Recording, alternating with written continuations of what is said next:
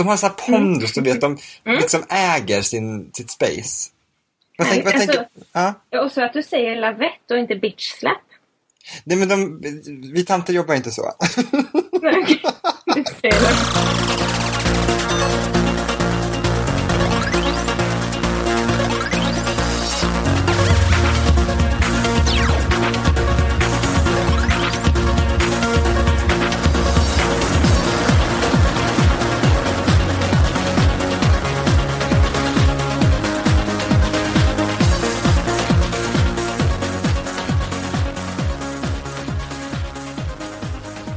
Varmt välkomna till avsnitt 51 av podcasten Mellan svart och vitt. Som idag spelas in av mig, tant Erik. Och mig, tant Lisa. Det här är en podcast där vi pratar om tro, tvivel och skepticism blandat med aktuella händelser i en personlig anda. Eh, och idag blir det en extra galant och intressant tantanda eftersom Thomas och Dragan, de ordinarie programledarna, inte är med. Det känns lite märkligt, Lisa? Mm. Det, det känns Lite nästan, märkligt. ja, men det är nästan som att vi så här hädar eftersom de drog igång podden och så får vi fria händer att ta över. Mm. Men å andra sidan så, det är så här, Herren Fader vakar över våra själar. Jag tänker Dragan har haft lite koll på Twitter eh, på oss så att eh, vi, vi är inte helt, vi är inte helt eh, frisläppta. Eller hur känner du? Jag tror de är lite nervösa ändå, faktiskt. De kanske är det. Mm. Men vem Över, var det det då? ska, ja, över att det inte ska gå bra och över att det ska gå så bra så de inte får komma tillbaks. Aj då. Kan det vara. Åh, vi får köra specialavsnitt med bara tanternas evangelium, typ, analys. Special. Eh, jag var, idag så ska vi prata om lite ditt och datt. Eh, vi kommer prata lite om våld mot muslimer i Sverige. Och så kommer vi prata lite om personliga upplevelser från Livets Ord och om Hillsong. Sen blir det bibelord, förnuftig funderare och ett ljus och kärleksord. Men Och- eh, ja, Och du hade fixat lite musik sen också har jag förstått. eh, ja, jag blev ju så illa tvungen. Ah, Det var ingen annan som hade skrivit något. Åh, du, du, du är en ängel, vet du om det? Ja, ja. Fint. Men Erik, Ja, välkommen tillbaka. Jag tror att åh tack. jättemånga har saknat dig. Eller det vet jag. Och det jag var har saknat dig. Fastän att jag har fått äran att vara med själv då, på grund av din bortavaro så har jag saknat liksom din eh, värme i podden. Men är det inte lite kul att det är typ första gången nu som du och jag verkligen får interagera så får vi göra det på helt egen hand? Ja. Det är Och att jättehäftigt. det, att det spelas in. Ja, dessutom! Och jag älskar Ja. det, så reality-tv, så nära man kan komma liksom utan att vara med i tv. Underbart. Fantastiskt. Mm. Vad har du haft för dig sen sist då? Ja, vad har jag haft för mig? Nej, men det har varit extremt mycket jobb eh, som resulterade i att jag faktiskt eh, sa ifrån, så nu har jag inget jobb. Och det är ju jättehärligt. Ehm, så jag? Så att jag, eh, nej men jag, jag håller på att byta jobb helt enkelt. Ehm, men just nu njuter jag av sommar och sol, kanske lite för mycket pilla navel. Ehm, men jag tänker så här, jag ser det som en liten eh, pensionssommar i tant Eriks lilla liv. Eh, så jag bara njuter. Har du lyssnat något på podden då? Ja, men jag har ju faktiskt det. Ehm, jag hörde ditt, framförallt ditt första avsnitt, lyssnade på på en gång. Jag var jättenyfiken på vem du var. Jag var så här, hmm, hmm, vad, har, vad har de nu hittat? Nu ska vi lyssna här, ska vi se. Ehm, och sen har jag lyssnat igenom, jag tror inte jag lyssnade på precis alla, men jag lyssnade på det där du, där du sjöng din, åh den var jättefin. Mm. Sången där och texten, det var helt fantastiskt. Och sen Thomas som var helt gråtfärdig, det var så gullig. Han är ju för söt människan. Båda Mm. är faktiskt det. Ja, Drag Dragan har också mycket, mycket känslor, men han är lite mer sparsam med dem. Ja, men där kom det fram. Åh, tänk vad fint att du lockar fram det hos de pojkarna. Ja, ja. Du ser. Så är du rädd för att du aldrig ska... Du var inte rädd för att du inte skulle kunna få komma tillbaks då? Nej, men alltså, det är ju, det är ju så här va, i, för våra lyssnare som tror på evolutionsteorin så är det som så att starkast vinner. Va? Så att, det är bara att känna sig ersegrad i sådana fall. Men, eh, det är bara vetenskap. Nej då. Nej, men det har varit, jag tycker det var intressant att se hur du tillför ett ja, men alltså, nyanserat tänk. Det är alltid kul att höra ytterligare människans åsikter. Uh, och sen har det ett annat djup också. Jag tänker på de här samtalen kring själen och filosofi. Jag tycker det var jätteintressant att lyssna på. Uh, och sen så är ni också väldigt duktiga på att förbereda er och det har väl jag varit lite vacklande i min förberedelse. Så att, så att det, det märks att ni verkligen går in i ämnena och det gör också att det blir intressant att lyssna. Härligt, men nu blev det lite som ömsesidig beundran i början. Men det är fint. Ja, det är fint. Hoppas att det är lika kul att lyssna på. Ska, ska, ska, vi, köra, ska vi köra kritiken nu? Nej. Nej, Nej skippa den. Ja, vi, tar, vi, tar den på Twitter. vi tar den på Twitter sen. Ja, mm. eller så tar vi den inte alls. Inte alls, men det kan vi också göra. Uh. Eh, när vi, på tal om Twitter så frågade jag vad ska vi prata om nu, tycker ni, i tantavsnittet. Och då fick vi ett förslag från Lasse Wecklén att vi skulle prata om tanter. Eh, så tant Erik. Ja. Vad är det som är så bra eller så dåligt med att vara en tant enligt dig?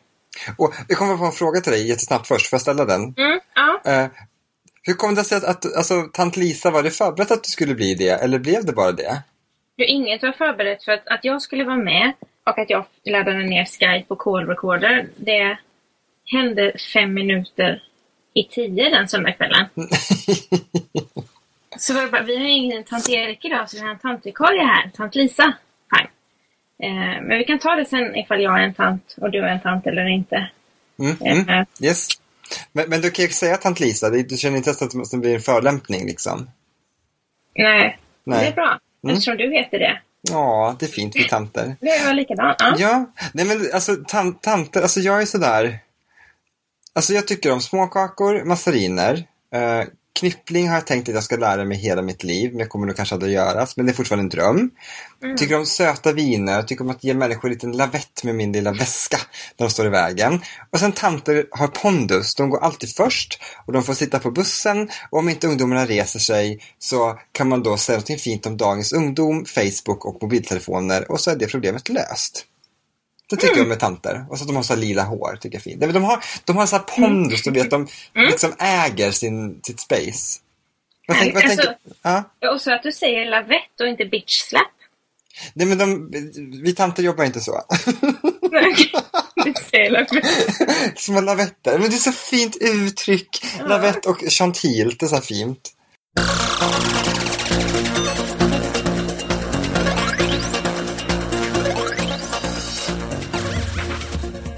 Därmed så tar tanterna sig över till aktuella händelser. Ja, från det ena till det andra får man säga, för nu blir det mycket mer allvarliga saker. Eh, det har ju varit en hel del prat om muslimers situation i Sverige de senaste veckorna av olika skäl. Eh, och jag tyckte att en artikel i Aftonbladet var intressant. Eh, den skrevs av Muslimer för fred och frihet eh, med anledning av att det var två år sedan Utöja Eh, och de skrev i artikeln att nu är det dags att lyfta frågan om våld mot muslimer för att vi diskuterade aldrig det här egentligen ordentligt efter Utöja. Eh, så att frågan har liksom aldrig riktigt lyfts och regeringen har inte tagit tag i det. Eh, och sedan Utöja så har det blivit värre och värre.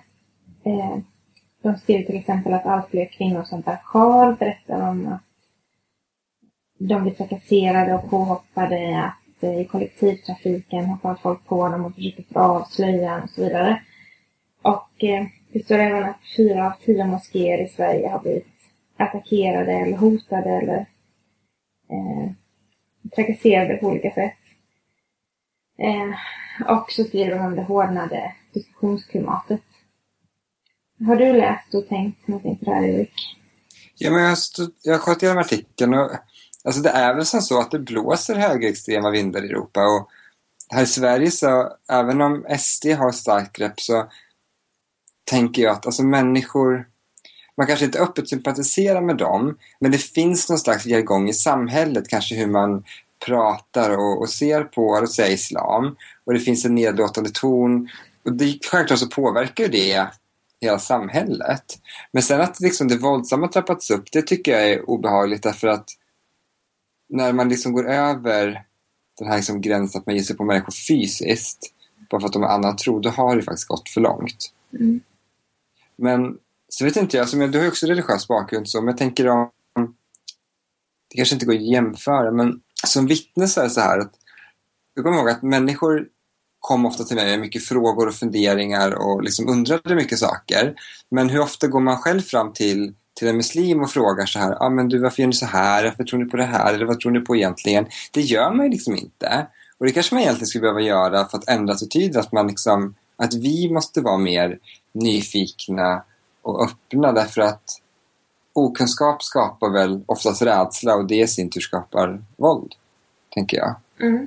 Så tror jag, absolut, jag tror absolut att det är många som inte känner några muslimer överhuvudtaget. Eh, och vissa muslimer som inte känner någon som inte är muslim faktiskt. Jag har jobbat i Rosengård några okay, år ja. eh, med Svenska 2 undervisning för kvinnogrupper där. Och där var det många som inte kände någon utanför den egna liksom, kretsen. Och det var då personer från samma nationalitet som bodde i samma område i Rosengård. Okay. Eh, och de hade väl aldrig varit hemma hos eh, icke-muslimska svenskar, många av dem. Eh, så att det är klart det blir så. Vi har pratat lite om saken i sms-ledes i redaktionen. Det är så kul att vi har en redaktion. Eh, och mm, då, mm. Eh, alla höll med om att de trodde på att känslan i artikeln var sann. Och Dragan tog upp frågan där, vad hade hänt om det hade varit en muslimsk terrorist och inte en, inom citationstecken, eh, kristen, norsk terrorist. Hur hade mm. de reagerat i Norge då och hur hade vi i Sverige reagerat om en muslimsk terrorist hade gjort något liknande? Och det var en väldigt intressant fråga, tycker jag. Eh, för då undrar man om vi har det demokrati och eh, toleranskapitalet som krävs för att klara av en sån situation och klara av att värna mångfalden och friheten eh, om en sån sak händer. Mm. Alltså jag tänker någonstans att vi ändå lever i ett extremt tolerant land. Alltså, jag kan tänka så här ibland, alltså jag är inte direkt nationalistisk så, utan jag tänker mig att jag är så här världsmedborgare. Eh, och vart jag än åker i världen så eh, smälter man väl in på något sätt fast man kanske har minishorts och gul ryggsäck. Men jag tycker ändå att här i Sverige så uppmanas vi till att lära oss acceptans och vi, vi är väldigt toleranta men visst, fortfarande så kan vi nog bli mycket, mycket bättre. Men mm. jag tror att man måste gå djupare in på det och se vad skapar motsättningarna och vilka grupper är farliga, både inom religiösa och antireligiösa rörelser. Därför att Alltså hade det varit till exempel en muslimsk terrorist då måste man försöka förstå okay, vilken, vil, vilken del liksom inom det här tillhör dem och vad, vad motiverar dem. Alltså man måste ha bättre förståelse tror jag. Och det vet jag inte om man... För som Breivik, han, han var ju liksom anti-islam men förstår, förstår man idag varför han ens gjorde det där? Han hade väl en liten agenda med sitt, med sitt handlande men jag vet ja. inte. Det, det, finns säkert fler sådana rörelser, fler sådana människor, men förstår man exakt vad det är som, som triggar dem? Nej, och jag tror på det eh, du sa för att eh, bygga det här sociala kapitalet eller den här toleransen starkt så tror jag också att det är samtal, samtal, samtal hela tiden. Ja. Eh, så vi inte går åt fel håll. Eh, och då kopplat till det här så funderade jag på det här med islamofober i sociala medier och så vidare. För det är ju en balansgång mellan det här att man inte vill ge idioter uppmärksamhet. Men att man vill säga ifrån så fort man inte håller med. Eh, en del tycker det är så att tiga ihjäl. Medan en del slänger upp allting och hoppar på varenda boll. Och jag tror på det att jag tror på att säga ifrån så ofta man själv orkar. Eh, om man tänker att många bäckar små blir en starkare rasistflod till exempel. Som jag har sett ett Runa sagt i en Bamse-tidning. Eh, till exempel. Men, men eh, Note to Self och andra eh, är väl att fråga dig först här, när du nu ska säga ifrån, vad är syftet med det? Och om syftet är att man vill ha förändring, så ja, säg någonting. Gå på sakfrågan och ta fram argument. Men om syftet är att man egentligen vill synas, så får följare, man vill framstå som eh, politiskt korrekt och liksom verkligen vill slänga igång någonting som väcker uppmärksamhet, så ska man låta bli, tycker jag. För det är då, när man håller på på det sättet så är risken större att man kallar folk liksom din rasistiska idiot eller din misogyna... Ja. Jag svär mm. inte men och, och då blir det så att man bidrar till massa stormar och liksom det blir vågor åt olika håll som tar ut varann på något sätt. Mm. Och då bidrar mm. man ju också till att så här, retweeta en massa idioter som man vill sätta dit dem.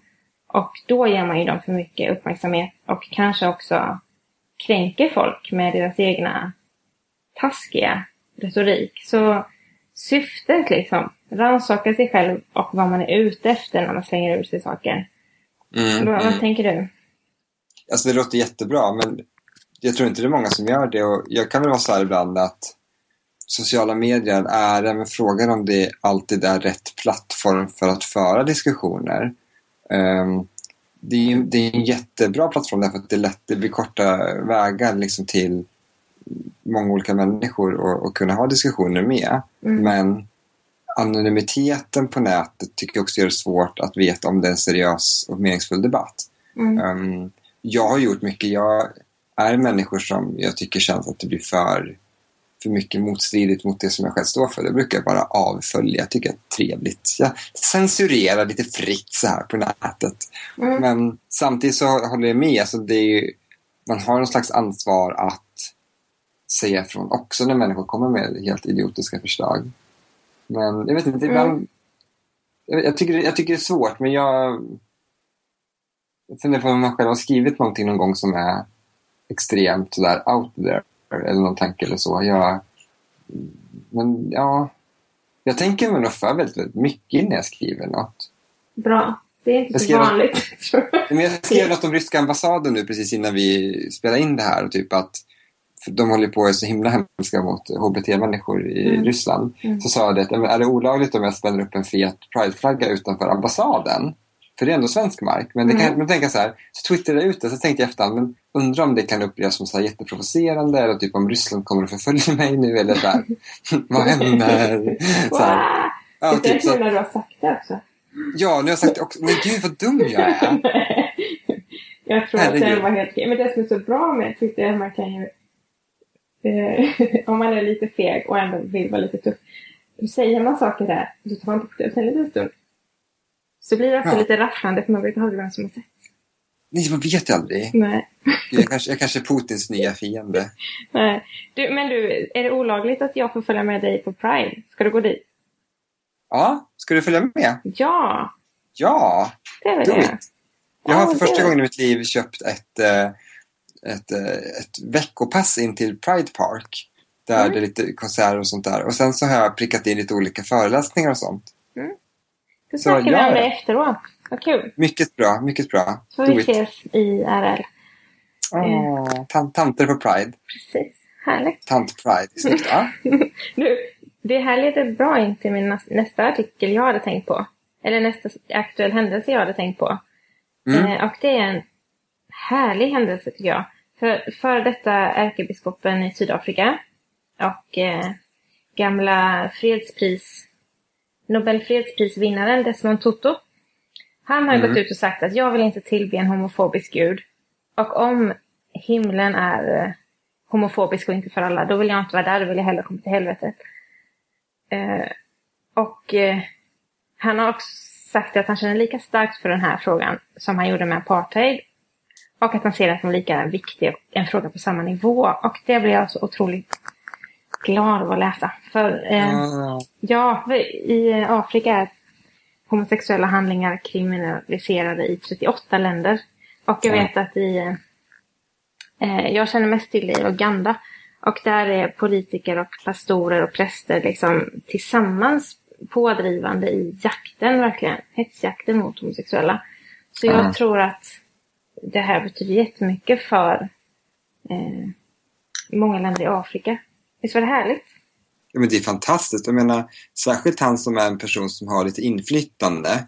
Eh, de måste ju börja ryta ifrån. Så enkelt är det. Så det är jättebra. Mm. En eloge till honom. Här, heja. heja. Han kan komma till homohimlen. Ja. Det blir Nej. jättefint. Har ni en egen? Jag vet inte. Nej. Hoppas inte. De har sagt en egen, de har sagt en egen liten avdelning där som överallt annars. Eller så alla, alla homosexuella kommer till homohimlen och andra kommer till helvetet. Är det så du tänker? Nej, så kommer alla till en homohimmel. Ja. Åh, Ja. nej. Du, ser, ser du, var jag diskriminerande? Vad bra, du ser. Nu fick jag lära mig någonting. Alla, alla kommer till himmelen. Oavsett hur den ser ut. Var det en teologisk statement? Alla kommer Nej. till himmelen? Nej, det jag tycker jag lätt fint. Jag vet inte vad jag tror på själv. Nej. vad tror du? Eh, jag eh, tror att alla kommer till himlen. Men jag, ja, jag visste inte hur jag skulle tro så jag läste och tänkte en del kring detta. Och sen, man kan ju tro att det, man kommer till himlen eller helvetet i form av straff. Man kan ju tro på att vissa kommer till helvetet och att andra bara liksom dör, slocknar ut. Och man kan tro på att eh, Jesus är allt för alla. Eh, och alla de tre tolkningarna har, kan stödjas med Bibeln tycker jag.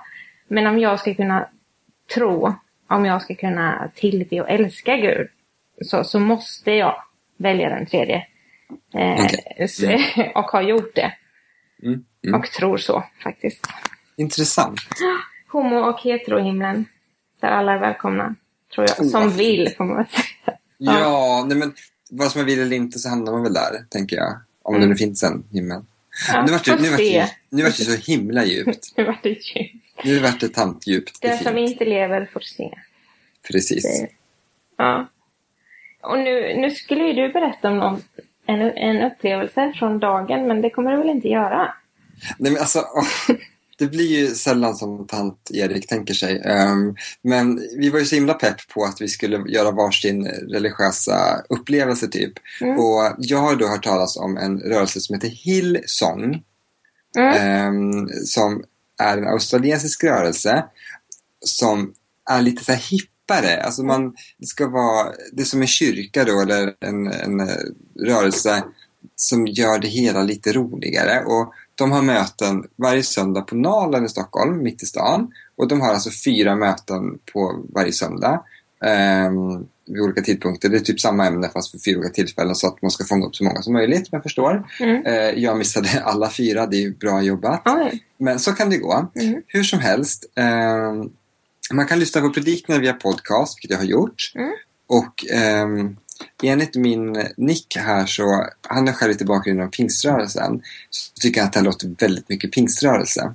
Mm. Men musiken, nu har varit ingen musik på podcasten, men om man youtubar det hela så kan man då se från deras kyrka, jag tror det här var i London. Och det är så lite arenarock och det är himla bra musik alltså. Ja. Det är så här, alltså de sjunger ju religiösa sånger men det är, ah, alltså jag har varit lite så här, mm, ack, ack så religiöst men ack så bra. Eh, men det är, väl, det, är väl där det är hippa och coola och intressanta kommer. Jag kan tänka mig att alltså man kan överleva 50 minuter predikan om Gud och Jesus eh, för att sen få höra riktigt bra musik. Är det 50 minuter predikan eller är det så att Jag det är vet inte, det, känd, det, kändes, det kändes som det. Men det, jag tror att alltså det, det är mycket musik för han, det var nu när eh, jag var på utlandsresa som eh, en av de som vi reste med berättade om den här, för han brukade gå dit. Mm. Och det var ju så mycket för musiken som han själv gick dit för det var duktiga musiker och bra musik. Och jag själv då har lyssnat igenom ganska mycket på Youtube tycker att det är jättebra. Alltså, det är lite så här Ja men det låter så här hippt, låter modernt och det är inte alls eh, klassiskt frireligiöst. Så, eh, men, så tanken är i alla fall att ehm, nu har jag en slags bild av vad det här är för någonting. Mm. Och då tänkte jag att då kan jag göra ett empiriskt test och gå dit vid tillfälle. Och sen kan Absolut. återkomma i podden med en liten recension av Mm. hur det egentligen var. Mm. Då får vi alla ringa och fråga dig ofta hur det gick så att det blir av. Ja, precis. Ni får, ni får, ni får liksom så här pusha på lite grann. Mm. Eh, men det kommer att bli av. Sanna mina ord.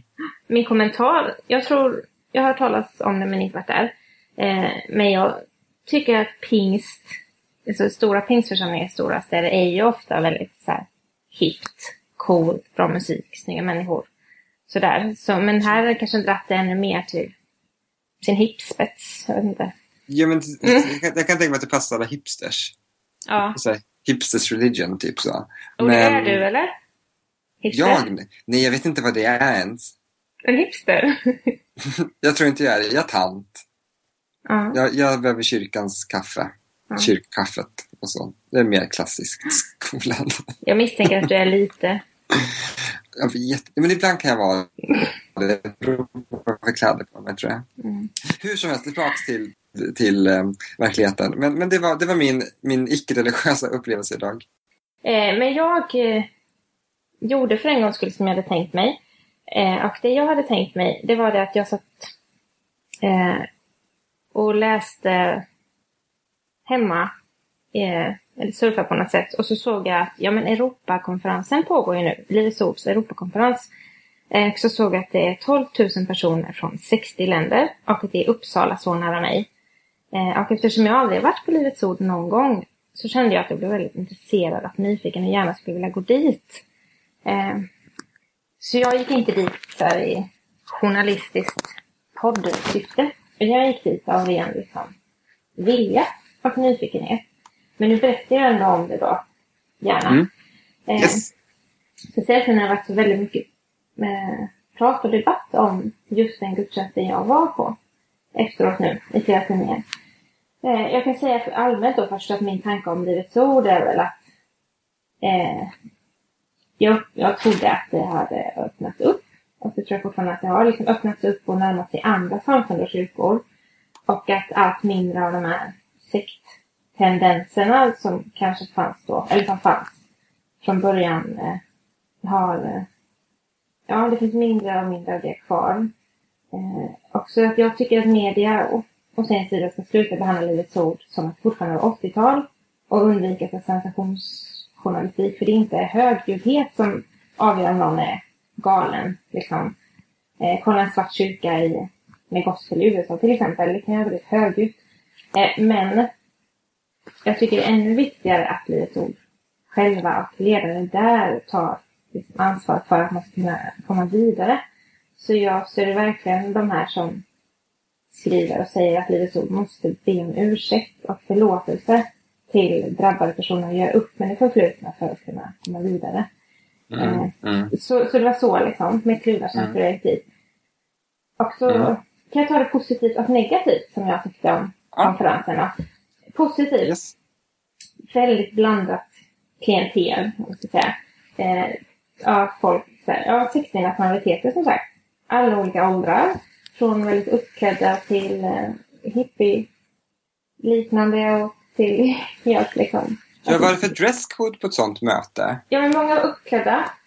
Eh, men eh, som sagt, en del som såg ut som de kom direkt från jobbet. En del som såg ut liksom verkligen så här turistklädda. Några helt vanliga medel Svensson eh, person. Alltså helt blandat var det. Ja, Vilket okej. är trevligt. Och alla åldrar och liksom väldigt så trevlig avspänd stämning.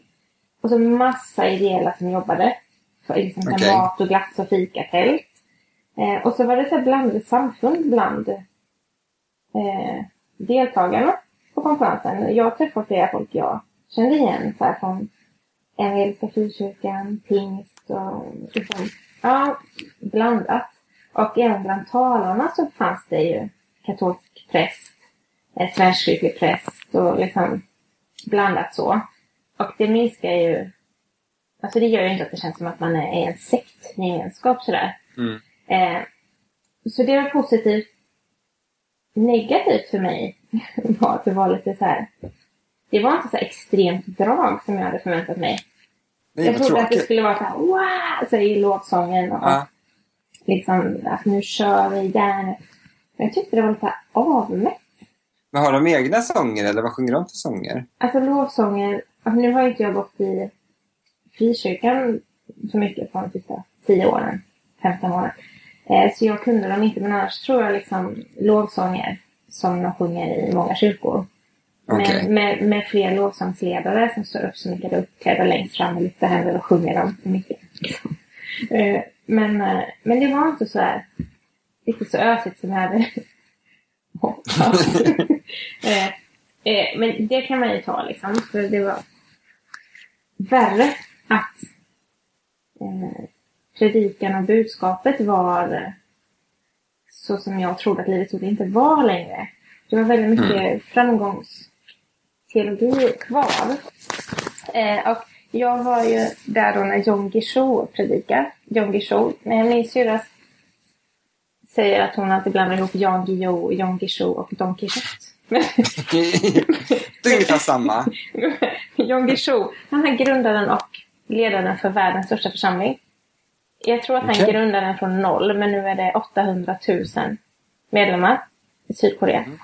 Så det är lite intressant. Eh, och många hade rest dit för att höra honom.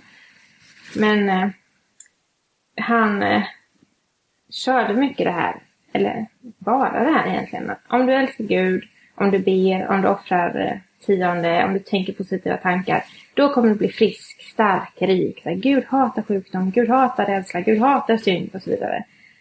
Eh, och det blir jag rätt illa berörd av. Mm. Eh, mm. Så att du tänkte så här, om man satt där och hade en liksom, svaghet som är funktionsnedsättning till exempel. Då är ju den funktionsnedsättningen en del av den man själv är. Och om någon kommer att säga att Gud hatar den delen av mig. Då är det en mm. Gud som inte älskar hela, hela en själv. Liksom, som inte älskar det brustna på något sätt. Eh, så jag saknar det här mänskliga.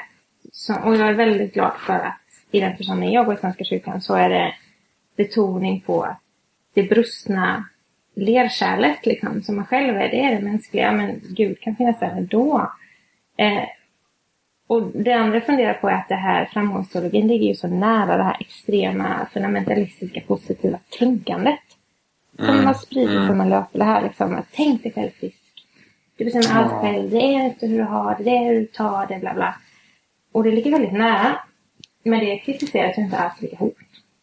Alltså här sitter jag och tuggar massarin och tänker mig själv smal. Det funkar inte alls kan jag säga. Nej, det funkar inte. Nej, det gör inte. Gud så jag tänker, men nej. Nej. Det det ingenstans.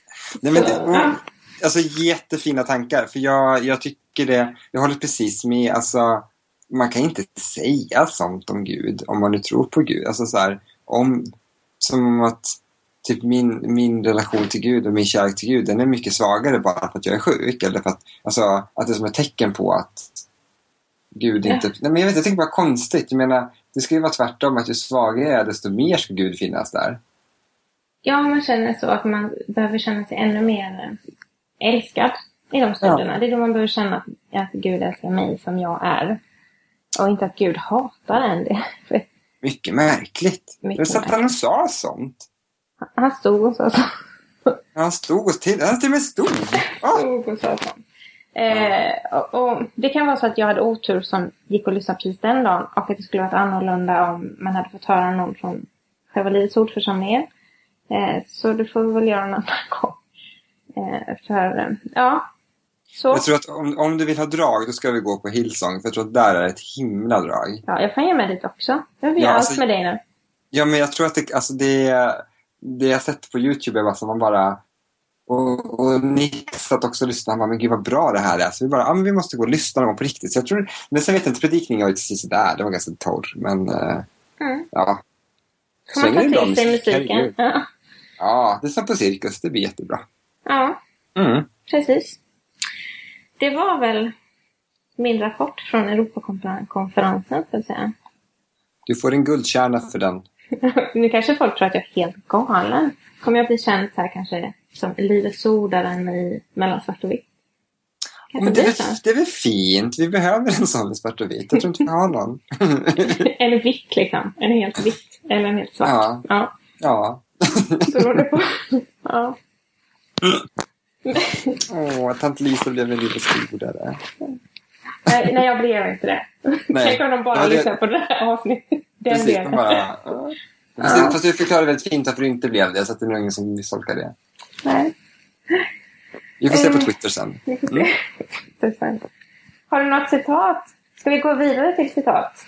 Ja, och jag, jag varit lite inspirerad av din eh, berättelse här ifrån Livets Ord eh, och hittade då en väldigt fin, eh, fin bibelord från psalm 38, 3 och 4. Fast det är ganska, när jag sitter och läser det nu känner jag, men herre min gud vad har jag hittat för något? Men det här är, alltså, på, på tal om människosyn, Mm. eh, och då lyder citatet så här.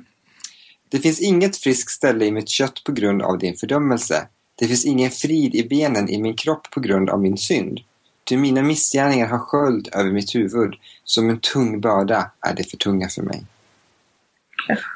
Ja, alltså det här är ju jobbigt. Alltså, för det här är en sån grej som jag kan känna i efterhand med, med gudsbild och med, med eh, vissa teologier att, så att det finns ingen frid i benen på grund av min synd. Alltså att vi är så himla dåliga vi människor och vi måste ha så himla mycket förlåtelse. Och jag bara, Mm. nej, tycker vi är bra du och jag Lisa. Mm. Jag, Ja, jag tänker så här, har du, har du känt så här någon gång? nej men kanske, jag tror när man var som mest inne i sin religiösa lilla bubbla så um, var det här faktiskt skrifter som jag läste ganska ofta bara för man tänkte att så här, ja, men, åh, jag måste bättra mig och jag är en syndig människa och sådär. Men idag tänker jag så här att nej, men, visst, alla kan göra fel, men så länge man inte liksom skadar någon annan människa så behöver man inte se sig själv som någon liten misslyckad nolla. Nej, man eh, bör väl inte se sig själv som misslyckad mamma. Nej, jag tycker, jag tycker, det, här, jag tycker det här kan vara lite, vet, att det kan nästan slå lite fel. Mm. Um, för jag tycker att det, samtidigt som tanken sen är väl det att det är Gud som lyfter upp oss och allting blir jättefint och jättebra. Men jag tycker att grundsynen på sig själv ska kanske vara något Mm. bättre än den här. Eller vad tycker du? Ja, jag tänker... Eh, det, det blir svårt där, för så fort man tar bort det här att man är en syndare så faller ju... Alltså den här, eh, ja, då, då faller liksom teorin jag att om att Jesus skulle tala synder. Eh, och vi går inte in där nu. Men, men, för, men jag tänker att det faller det här bibelordet på grund av att jag inte tror att Gud fördömer. Det Mm. handlar om på grund av din fördömelse liksom, till Gud. Så Mm. tror vi inte att Gud gör. Fördömer ju inte oss. Nej, och det är helt sant. Skulle vi inte vara syndiga så skulle ju hela Jesu lilla historia bara inte vara nödvändig. Och det, det var ju tråkigt för han i sådana fall.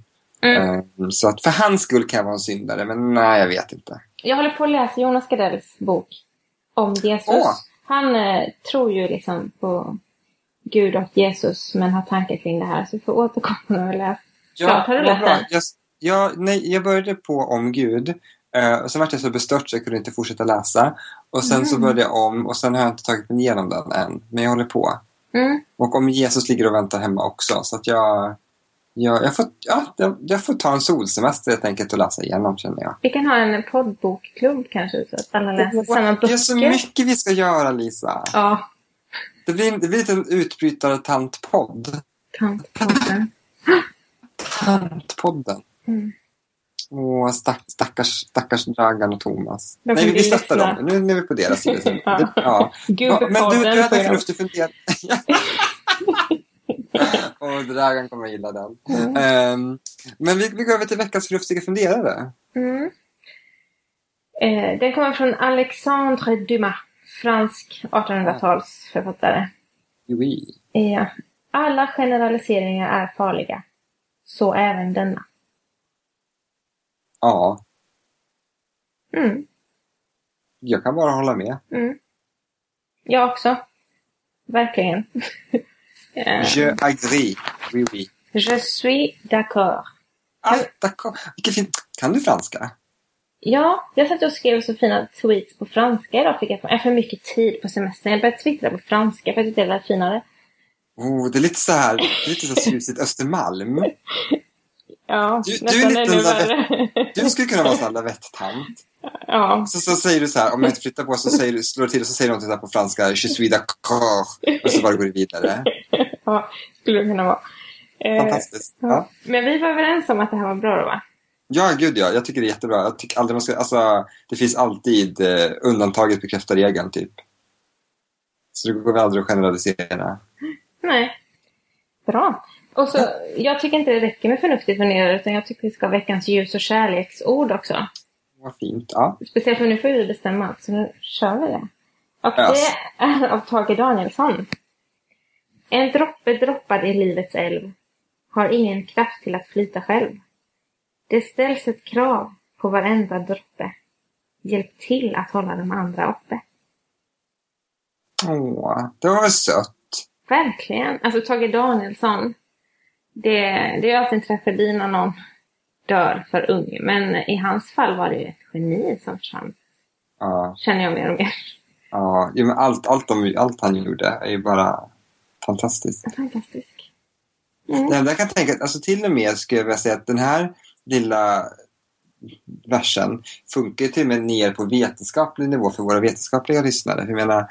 Vatten är ju H2O och alla små, allt det där behövs och det är så fint. Det är bra att du vänder dig till. Jag, på tal om eh, naturvetenskap så jag tänkt på det när jag börjat läsa vilka som är de skeptiker aktiva, de poddaktiva. Det, de flesta är ju, nu kommer jag generalisera fastän att det är livsfarligt. Ja. De, Oh många är män mellan 30 och 45 år. Många är, eh, har läst tekniska ämnen eller naturvetenskap. Och alla i princip, nej okej, många är väldigt intresserade av eh, naturvetenskap ju, Mm, kopplat till frågan. mm, mm. Så på tal om eh, tanter och tanters roll i poddar. Så tror jag att bara en, att vara en tant gör att man fyller ett litet to- tomrum i poddarna. Mm. Vi ger de här små skeptikerna en liten lavett på näsan. eller, en en kärleksfull klapp, men det kan man ju också behöva. Men lavetter kan vara kärleksfulla. Därför heter det lavett, tänker jag. Det kan vara kärleksfull lavett. Mm. Och fint. Ja. Så det här var en, en kärleksfull lavett till en naturvetare om H2O. om H2O. Och Mm. det är väl... Jag ska, nej, usch, jag glömt bort det periodiska systemet. Vad hemskt. Usch, man ska aldrig börja prata om saker man inte vet någonting om. är du, jag är du att också det. naturvetare? Nej, kära hjärtanes. Ehm, nej, fast jag tyckte det var roligt på skolan, så, men jag är inte alls insatt. Jag, har- jag, har haft, en- jag har ju sagt lite för mycket saker tidigare i podden om, om vetenskap och sånt. Ehm, jag jämförde vetenskap med religion. Och Mm. eh, hej hopp, kan jag säga. Så det kommer jag aldrig göra om. Och det jag sa nu var inte att jag jämförde det, alla kära lyssnare. Utan jag bara ville berätta en episod från mitt liv om naturvetenskap. Mm. Um, så att jag inser, det jag insett är helt seriöst att jag måste bli mer insatt i naturvetenskap och eh, de olika nyanserna som finns. Um, och jag hoppas att jag kommer få möjlighet att göra det. Och när vi säger vetenskap i podden så känner jag att vi ofta pratar om eh, naturvetenskap att, snarare än statsvetenskap och språkvetenskap som, som är mina favoritvetenskaper. Och jag älskar språk. Ja! Mm. Åh, vi, ja, men, alltså, precis, jag menar ju språkvetenskap när jag säger vetenskap. Precis. Ja, Det är det och måste förkovra dig du räddade mig där, tack. Ja. Du har väldigt fint Je, språk. je Ja. suis d'accord. Mm. Men, men eh, ska, ska vi sjunga nu? Ja, det du- skulle du du ska göra. sjunga. Du skulle ju sjunga idag.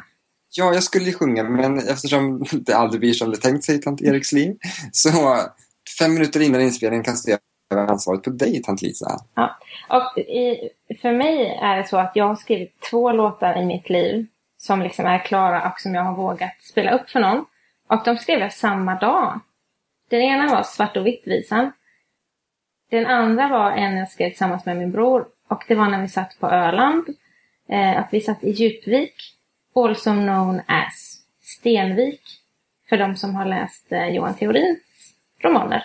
Han skriver ju om Stenvik i sina böcker och det är då i verkligheten Djupvik. Så där satt vi och så skrev vi en visa till Djupvik. Och eftersom att det här är ett semesteravsnitt så får ni nöja er med en sommarsång utan eh, skeptisk anknytning idag.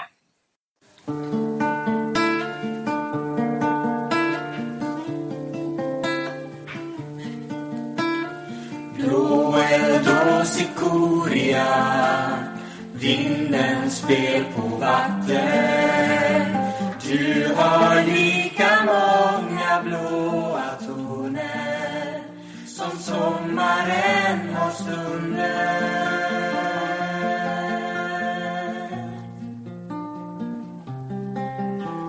Vi vilar på de stränder där fiskare har slitit stenhuggar brutit.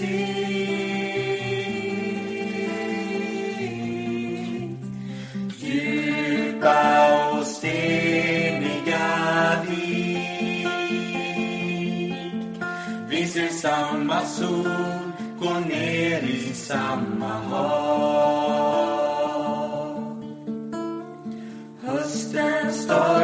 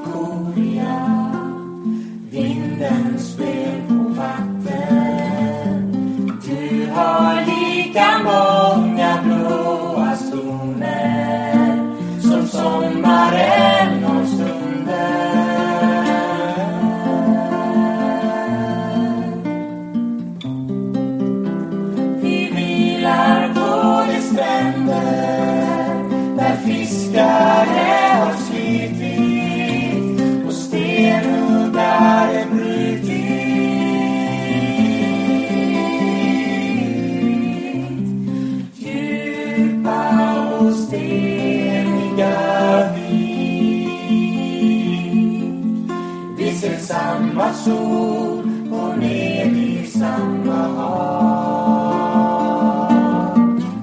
Vi ser samma sol gå ner i samma hav.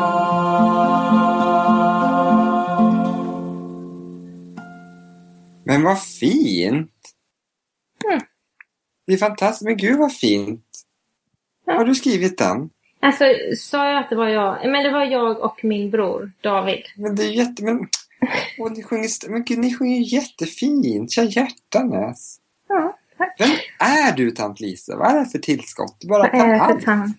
Ja, Och franska och allting. Och musik och sjunger. Och, ja. Nej, sjunger men, och alltså, pratar franska. Allt. och- ja, det är allt, allt man behöver kunna. Det, det var jättefint på riktigt. Ja. Tack, det var det i alla fall. Ja, Mm. jag kommer aldrig mer att sjunga i det här programmet kan jag säga. Du sjunger också fint, jag lyssnar på det. Ja, men är mycket finare. Jag, jag bröt mot upphovsrättslagen dessutom, det gör inte du. Nej, det är svårare nu när man måste skriva sina egna låtar. Alltså. Jag vet, de jag höjer ribban varje gång. Ja. De brände ut mig och så det var. Ja. Men vi kan skriva en tillsammans sen eftersom vi ska börja hänga varje dag nu. Och vi kan skriva en, en, en, en åh, vad heter det, Hillsong slash Pride-sång tillsammans. Ja. Pride of the Hills. Ja, in French. Fransar. En français, oui oui. Mm. Men det här gick väl jättebra? Ja, tycker du fortfarande är det här som, som ska sändas? Ja, definitivt. Ja, ja, det gick jättebra. Jag har haft jätteroligt. Ja, trevligt har det varit. Hur känner du själv? Ja, väldigt trevligt. Jag tror att tekniken var på vår sida till slut efter... Till slut. Fast jag har lite dålig täckning, det kanske hörs. Men jag sitter ju mitt ute i Smålands skogarna. Eh, Så det kan vara så att det hörs. Men det är bara, vad heter det, genuint och äkta. Får ni tänka. Ja, precis. Jag har typ Karl-Oskar där i bakgrunden smyger runt i skogen och Mm. klagar på Kristinas mjöl, barkmjölskakor. Jag sitter bland, ja, det här är John Bauer-skogen. Eh, Aha! Det här skogarna där han, hans tomtar och älvor eh, kommer ifrån. Så jag sitter här full av övernaturliga väsen omkring mig. Oj, jag blir så lite mörkrädd när du säger så. Nej, jag... vi eh, eh, tanter. Det är faktiskt tanter som håller uppe tron på övernaturlighet mycket i Sverige. Stämmer det? Ja, ja, vi kommer ett troll så får de en lavett på nosen. Ja. Men vi är ju kloka och eftertänksamma tanter Ja, som ifrågasätter. Extremt. Ja. Men en liten elva. Det hade ju bara varit trevligt. Ja, de är alltid fina. De är alltid välkomna. Mm. ja, kanske bäst att sluta. Jag känner det. Nu är vi svåra här. Ja. Sakta säkert. Men du, det här var jättetrevligt Lisa. Mm, tack för idag. Ehm, när är de tillbaks, de ordinarie små pojkarna? Är det nästa, nästa avsnitt redan? Ja, och jag hoppas att du kommer vara kvar. Jag ska lobba för Ja. att det blir du som är tant. Vi får se hur det blir. Vi får slåss om Nej, men, saken. men jag känner, åh du är så bra tant, Vi herregud. får väl turas om. Ja, vi får, alltså får vi, vi får helt enkelt bli en, en, en fyroenighet Mm, i värsta fall. Mm. En kvartett. precis. Ja. Kvartetten. Men då säger vi så för idag va? Jättebra. Tack och hej alla lyssnare. Tack och hej! Du har lyssnat på podcasten Mellan svart och vitt. Vi finns på iTunes och på www.mellansvartovitt.se där du även kan kommentera avsnitten. Följ vår Facebook-sida och vårt Twitterkonto som heter svart vitt. Vi andra har Twitterkonton Thomas Schoberg, Draganist, Tant Erik och Lisa Emilia A.